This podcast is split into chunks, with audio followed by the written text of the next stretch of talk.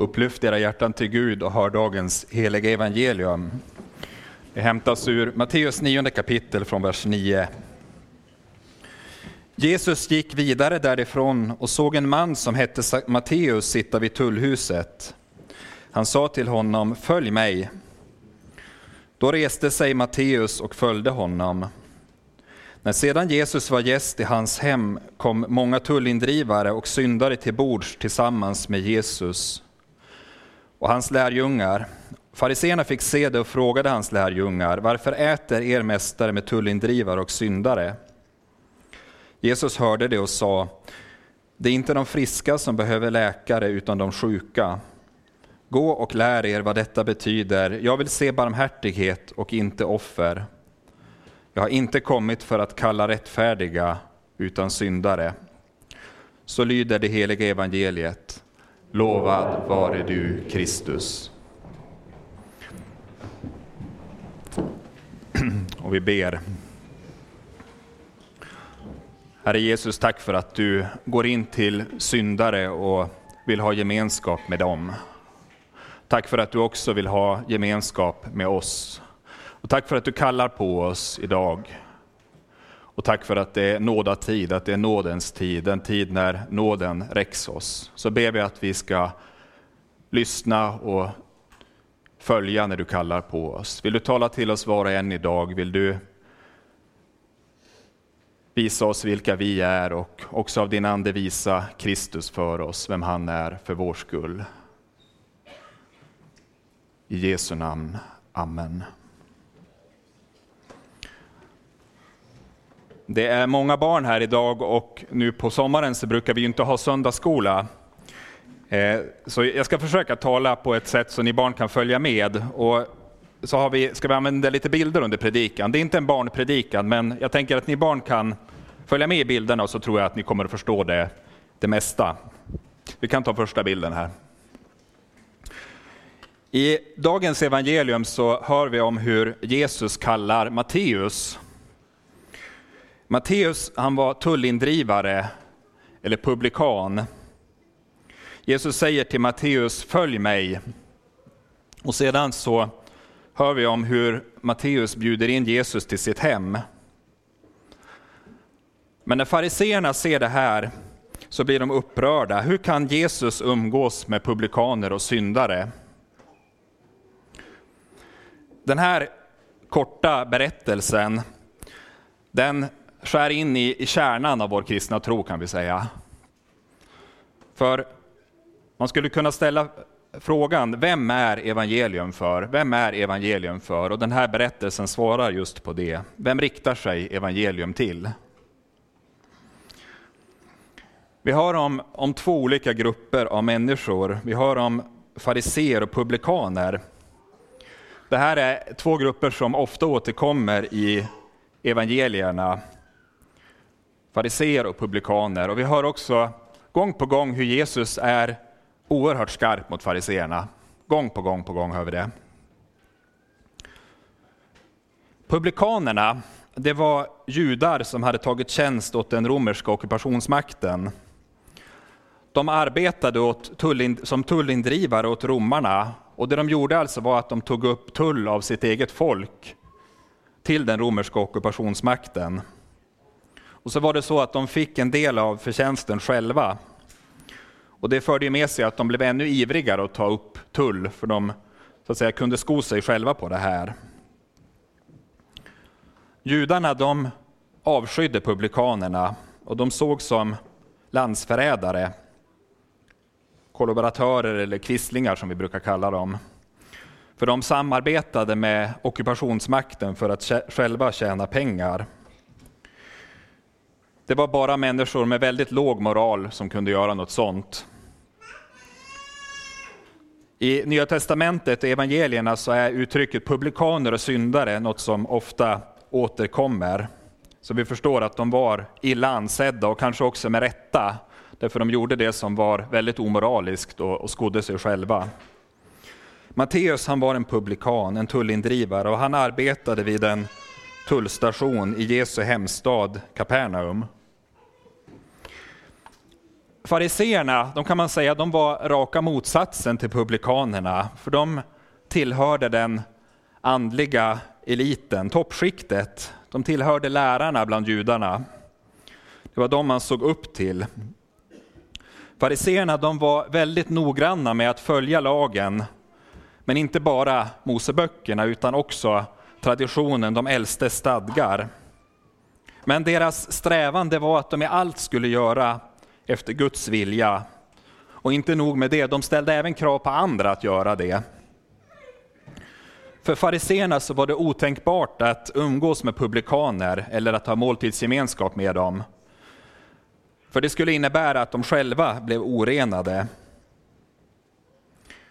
Fariseerna de var inte bara på ytan noggranna med att följa lagen. Ibland så kan det framställas så att fariseerna var liksom uppenbara hycklare på så sätt att de lärde en sak men så gjorde de något annat.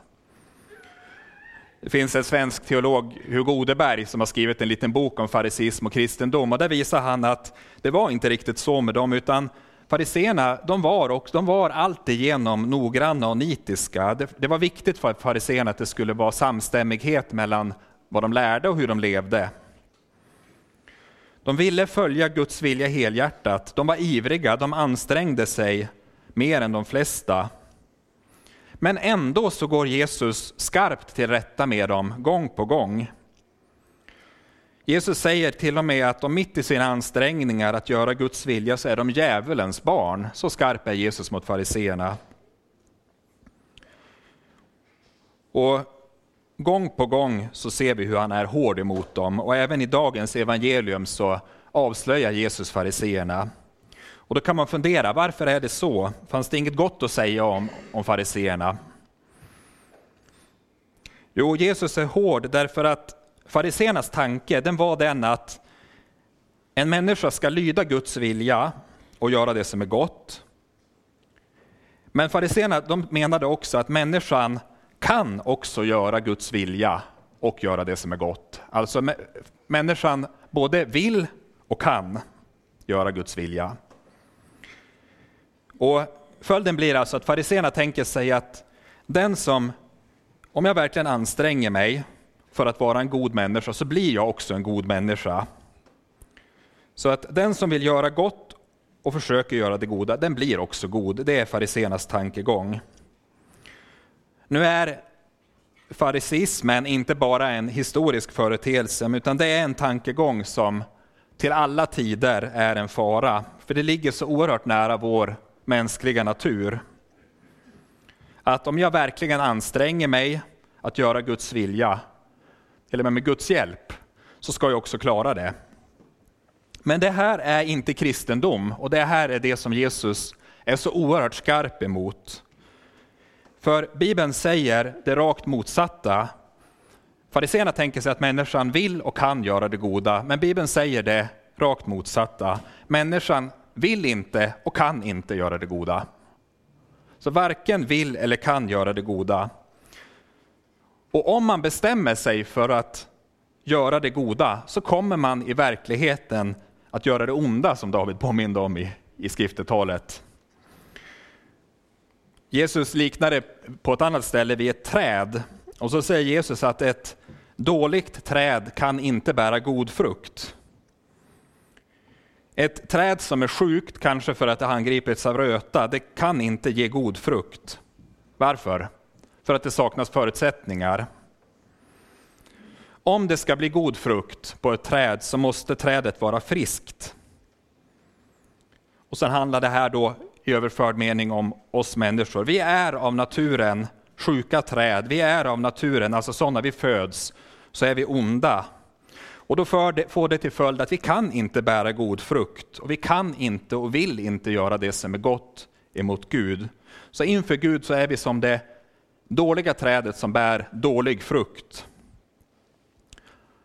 Paulus skriver i Romarbrevet att jag kan inte fatta att jag handlar som jag gör, alltså han är förundrad. Det goda som jag vill, det gör jag inte, men det, det jag hatar, det gör jag. Så beskriver han sig själv.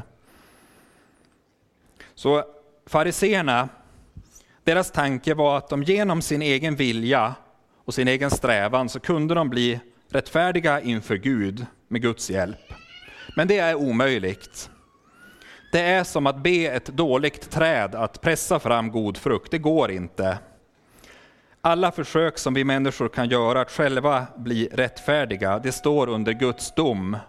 Och den vägen är stängd. Den mänskliga ansträngningens väg är stängd.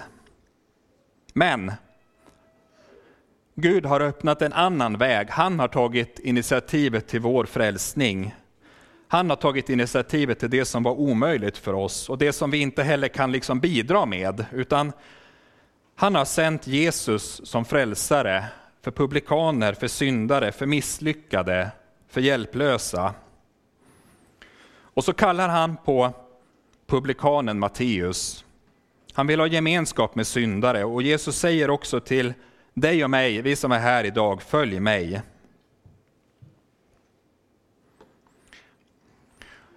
Så hör vi om hur Matteus bjuder in Jesus och lärjungarna i sitt hem. Och det står att det var även många syndare och tullindrivare, alltså publikaner, som var i hans hem. Så vi förstår att han bjöd med sina arbetskamrater också. Vi säger ju det är ett, ett mäktigt vittnesbörd. Tänk han har fått möta Jesus och så tar han med sina arbetskamrater. De ska också få höra om det här. Men när fariseerna ser att Jesus äter med publikaner och syndare så blir de uppretad, upprörda och så frågar de lärjungarna varför äter er mästare med publikaner och syndare? Varför orenar sig Jesus genom att ha måltidsgemenskap med publikaner? Och Jesus han hör fariseernas fråga och han svarar dem. Och så säger Jesus tre saker i sitt svar som vi ska stanna för var och en av dem.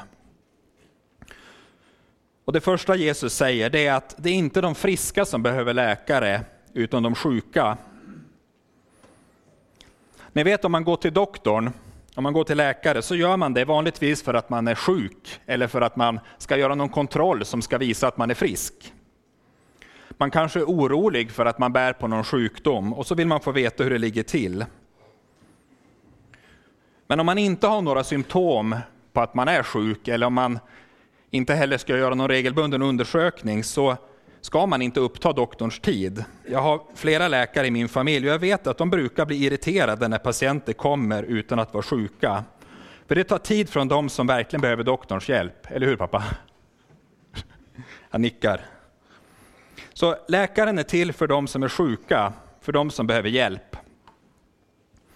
Det är de som behöver undersökas och få behandling för att de ska kunna tillfriskna eller symptomen ska kunna lindras.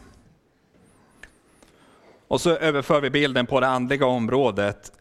Den som behöver evangelium, den som behöver Jesus, det är den som har problem med sig själv.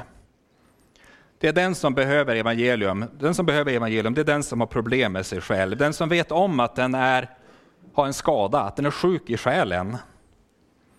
Den som ser mörkret här inne, otron, onda tankar, onda begär, frestelser, otacksamheten, själviskheten.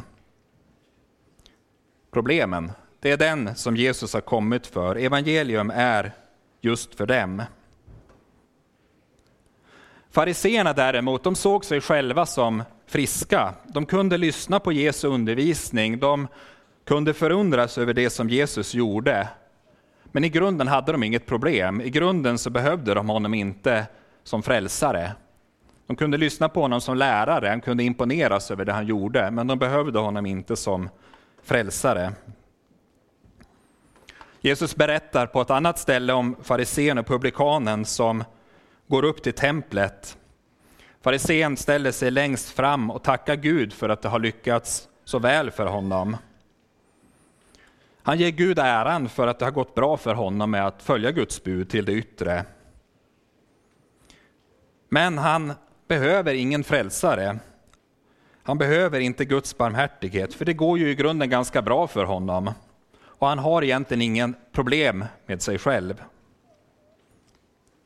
Publikanen däremot står längst bak och han vill inte lyfta blicken.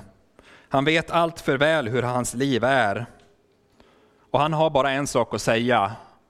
Gud förbarma dig över mig syndare. Gud förbarma dig över mig syndare. Och så kan det vara så med oss att vi liknar fariseerna. Det kan faktiskt vara så. Jag tror inte vi för snabbt ska liksom avfärda den tanken. Utan vi ska faktiskt fundera på, är det så att vi liknar fariseerna? På så sätt att vi tycker på det hela taget att det går ganska bra för oss, i alla fall bättre än för vissa andra. Andra ser oss som gudfruktiga kristna. Vi håller Bibeln, Guds ord, högt. Vi har rätt meningar. Men så kan det ändå vara så att vi i själva verket är långt ifrån Jesus. Vi kan ändå vara på långt avstånd från Jesus, för vi behöver honom inte egentligen. Vi behöver honom inte som frälsare. För vi tycker i grunden att vi klarar oss ganska bra sådana vi är. Men det kan också vara så att vi allt för väl vet om vår synd, alla misslyckanden, kanske syndafall som skaver och vi tänker att de andra bara visste här på Fridhem. Och så tänker vi att evangelium kan inte gälla mig sådan som jag är. Det gäller för mig, det gäller för andra men inte för mig, så kan vi tänka. Men till dig som har det så, så säger Jesus idag, det är inte de friska som behöver läkare utan de sjuka.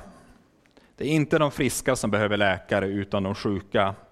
Jesus är läkaren som vill hjälpa de sjuka. Han säger till dig, vem du än är idag, så säger han till dig, följ mig.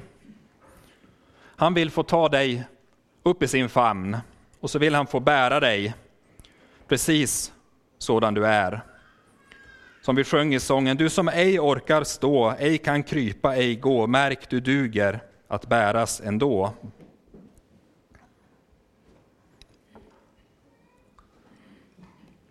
Det andra som Jesus säger, gå och lär er vad detta ord betyder. Jag vill se barmhärtighet och inte offer. Jesus citerar profeten Hosea, det sjätte kapitlet. Det här är ett kapitel som handlar om hur Israel gång på gång hade brutit mot Guds förbund. Och så var det så med Israel att till det yttre så ångrade de sig. De fortsatte att offra, men deras hjärtan var långt ifrån Herren. Och så säger Herren till dem, och det är de orden då som Jesus citerar, att jag har min glädje i kärlek och inte i offer och i kunskap om Gud mer än i brännoffer. Och när Jesus citerar de här orden och säger till fariséerna, gå och lär er vad det betyder, så avslöjar han deras liv och hur de är. För hela deras liv var inriktade på det yttre, på fromma handlingar, på ceremonier. Men deras hjärtan var i verkligheten långt ifrån Gud och de hade ingenting till övers för trasiga, misslyckade människor i deras närhet. De ville de undvika för att inte själva bli orenade. Till dessa säger Jesus, till, säger Herren att han vill se barmhärtighet och inte offer. Men det är också ord talade till oss idag och vi får spegla oss i dem. För kristendomen är inte bara någonting som handlar om, om söndagen och hur, hur vårt liv är när vi är bland kristna människor. Men hur möter vi trasiga människor som kommer i vår väg? Kanske i, på arbetet eller i, på samhället, i grannskapet. Kanske människor som avviker från mängden på det ena eller det andra sättet. Tar vi emot dem som Jesu minsta bröder eller föraktar vi dem? Vill helst inte orena oss genom att umgås med dem. Vi kan tänka på liknelsen om den barmhärtige samariten som Jesus berättar i ett, i ett annat sammanhang för att, för att visa vem är min nästa. Den slagne mannen vid vägkanten och så leviten och prästen som ser men som går förbi. De hjälper inte. Men det finns en som stannar och förbarmar sig och hjälper och det är den barmhärtige samariten. Och så påminner Jesus oss om att kärleken och barmhärtigheten till nästan är viktigare än offer, viktigare än de yttre ceremonierna. Men inte bara det, det stannar inte där, utan Jesus han uppfyller själv orden från Hosea bok, jag vill se barmhärtighet och inte offer. När han stiger ner hit, visar barmhärtighet mot de föraktade, tar emot syndarna, då visar Jesus barmhärtighet och då är han själv den barmhärtige samariten, långt bättre än, än varje människa som äter och dricker med publikaner och syndare, som vill ha gemenskap med dem. Jag vill ha barmhärtighet och inte offer. Det tredje som Jesus säger är, ty jag har inte kommit för att kalla rättfärdiga utan syndare. Den här berättelsen som vi har lyssnat till, den finns återgiven i alla, eh, även hos Markus och, Lukas evangelium. Och i, i Lukas evangeliet där står det så här, då säger Jesus, ty jag har inte kommit för att kalla rättfärdiga till omvändelse, utan syndare. Så han lägger till till omvändelse. Vårt största problem, det är vår synd. För det är synden som skiljer oss från Gud. Genom synden är gemenskapen med Gud bruten ända från syndafallet. På den här bilden så ser vi kung David. Kung David han hade syndat på det allra värsta tänkbara sättet. På så sätt att han hade mördat en annan människa för att få hans hustru. Han hade ställt Uria längst fram i striden för att han skulle kunna ta hans hustru Batseba som sin. Och så kom profeten Natan till honom och berättade först en liknelse om en som handlar orättfärdigt. Och så säger Natan till honom, du är den mannen, alltså du är den som handlar orättfärdigt, du är den som har gjort det här. Eh, och så leder det till att David förstår sitt läge, han förstår sin synd. Och sen hör vi i syndabekännelsen som vi också har instämt med idag, att det är mot dig jag har syndat och gjort det som är ont i dina ögon. Det var ett stort problem när, att David syndade. Det var ett gigantiskt problem att David mördade Uria och tog hans hustru. Men det långt mer allvarliga och det allra mest allvarliga, det var ju att han hade syndat mot Herren. Det är mot dig jag har syndat. Han hade syndat mot Gud när han hade mördat och begått äktenskapsbrott. Det allvarligaste det var att David hade syndat mot Gud. Och den synden, om den inte blir uppgjord, så för den honom till förtappelsen. För så är det med synden, att synden skiljer från Gud och utan frälsning från synden så går vi evigt förlorade på grund av vår synd. Det är därför synden är så allvarlig. Och därför så kallar Gud syndare till omvändelse. Vad är omvändelse kan vi fråga? Jo, det är att bli förd till nollpunkten. Det är att bli förd av Guds ande dit där Herren får visa mig att i mitt hjärta så bor inget gott. Och att jag får bekänna med David, det är mot dig jag har syndat, alltså det är mot Gud jag har syndat, det är han jag har att göra med när jag syndar. Det är därför synden är så allvarlig. Och att vi får ge Gud rätt, du har rätt när du dömer. Det finns inget att säga till mitt försvar, jag står under Guds dom. Och det här behöver vi göra inte bara en gång, men gång på gång. Men det stannar inte där, omvändelsen stannar inte där, för när David hade bekänt sin synd, så säger profeten Natan, så har Herren också förlåtit dig din synd. Så har Herren också förlåtit dig din synd. Och det får du höra också idag. Du som bekänner din synd inför Herren, du får höra, som vi blev påminda om också i skriftetalet, Herren har utplånat synden. Genom Jesus finns nåd och förlåtelse för all synd, också för dig, vem du än är och vad du än har gjort. Och som vi blev påminda om i epistelläsningen, Gud bevisar sin kärlek till oss genom att Kristus dog för oss sedan vi hade blivit lite bättre. Nej, det står inte så. Medan vi ännu var syndare dog Kristus för oss. Gud bevisar sin kärlek till oss genom att Kristus dog för oss medan vi ännu, ännu var syndare. Så genom Jesus finns nåd och förlåtelse för all synd, för dig, för mig, vem du än är vad du än har gjort. Och så säger Jesus till oss idag, följ mig. Och på ett annat ställe så lovar han, den som kommer till mig ska jag aldrig någonsin kasta ut. Och så gäller det dig, vem du än är. Jesus kallar inte rättfärdiga, men syndare till omvändelse. Han är läkaren som vill hjälpa de sjuka, som visar barmhärtighet, som förlåter synder och som säger den som kommer till mig ska jag aldrig någonsin kasta ut. Amen.